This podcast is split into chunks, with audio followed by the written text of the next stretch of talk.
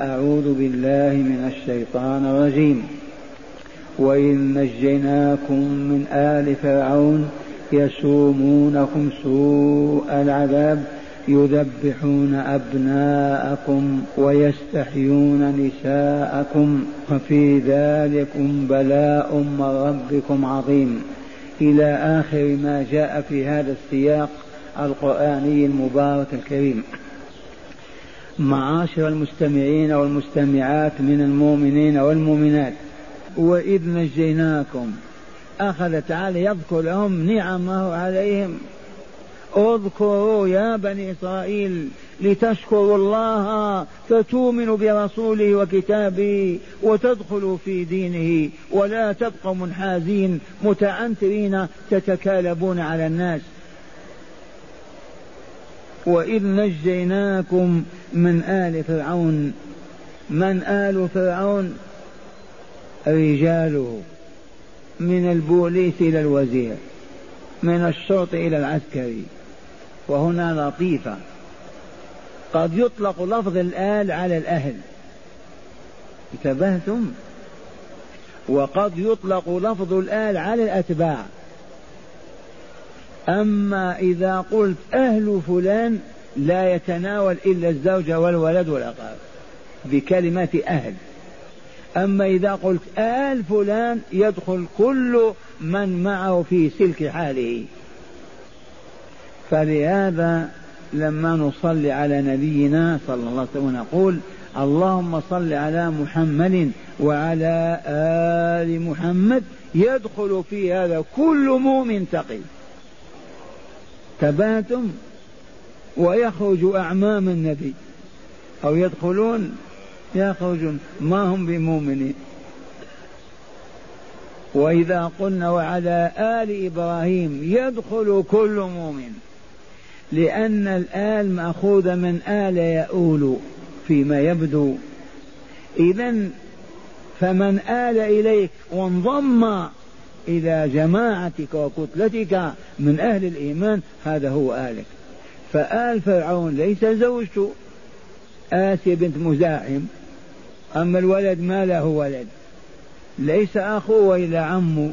آل فرعون رجاله الذين كانوا معه يحكمون ويسوسون ويعذبون المؤمنين. وإذ نجيناكم من آل من فرعون هذا؟ هذا أرجح الأقوال اسمه الوليد ابن مصعب بن الريان وأصل عربي محض. نزحوا من الجزيرة ودخلوا مصر. أيام العمالقة. إذا وهذا الولي هذا فرعون يذكر له قصة كيف وصل إلى الحكم. كان لصا يجلس في المقبرة. إذا جاء الناس بميت هاتوا عشر ريال. وإذا ماتت هنا ميتة. فإذا جاءت الشرطة هرب. هذا يعيش على التلصص المقبرة. فلما بلغ الحكومة هذا العفريت قال الملك هذا يصلح لي أن يكون خادم لي لأنه قوي ويسوس خيلي. وسائس الخيل كان ممتاز. لأن الخيل هي المركوب الممتاز. فاختير لهذا المنصب فأصبح يسوس خيل الملك فرعون.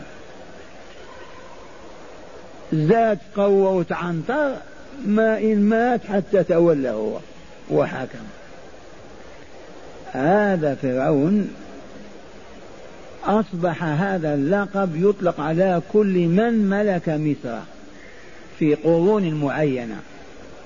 كما ساد أيضا من يحكم الأحباش يقال فيه النجاشي. من يحكم الفارس يقال فيه كسرى. من يحكم الروم يقال فيه هرقل. وهكذا. أما اسمه هو الوليد ابن مصعب بن المغيرة أو بن الريان إذا نجاهم من آل فرعون وبين من أين نجاهم يسومونهم سوء العذاب. يروى والجلال هو الذي ذكر هذا أن كاهن من الكهنة رأى رؤيا. وأن زوال ملكك يا فرعون يكون على أيدي بني إسرائيل. وبنو إسرائيل أغراب أجانب ما هم أقباط مصريين. لما؟ لأن يوسف عليه السلام لما بيع واشتري واشتراه العزيز ونشأ في مصر وتربى فيها وملكه الله عز وجل مصر وأصبح الملك فيها جاء حينئذ يعقوب وأولاده ونزلوا في مصر جاءوا من فلسطين وتناسلوا حتى بلغوا ستمائة ألف. إذا فهذا الكاهن يقول سقوط دولتك على يد هؤلاء. وأنا أقول هذا كلام ما هو صحيح.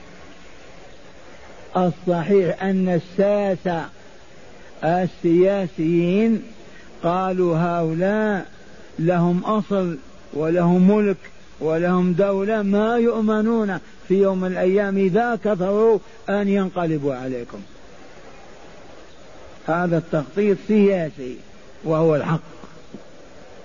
تبهتم إذا كيف نصنع؟ قلل النسل منهم. أولا أذلهم وأرهقهم بالعمل حتى تسقط طاقاتهم البدنية. فكانوا يكلفون ببناء الجدران وصنع الطوب وما إلى ذلك. حتى ما لهم راحة. ما نفعت هذه يتناسلون. ماذا نصنع يا رجال الدولة؟ قالوا إذا من السياسة أنك تقتل الذكران وتبقي على النساء حتى ينقرض هذا الجنس.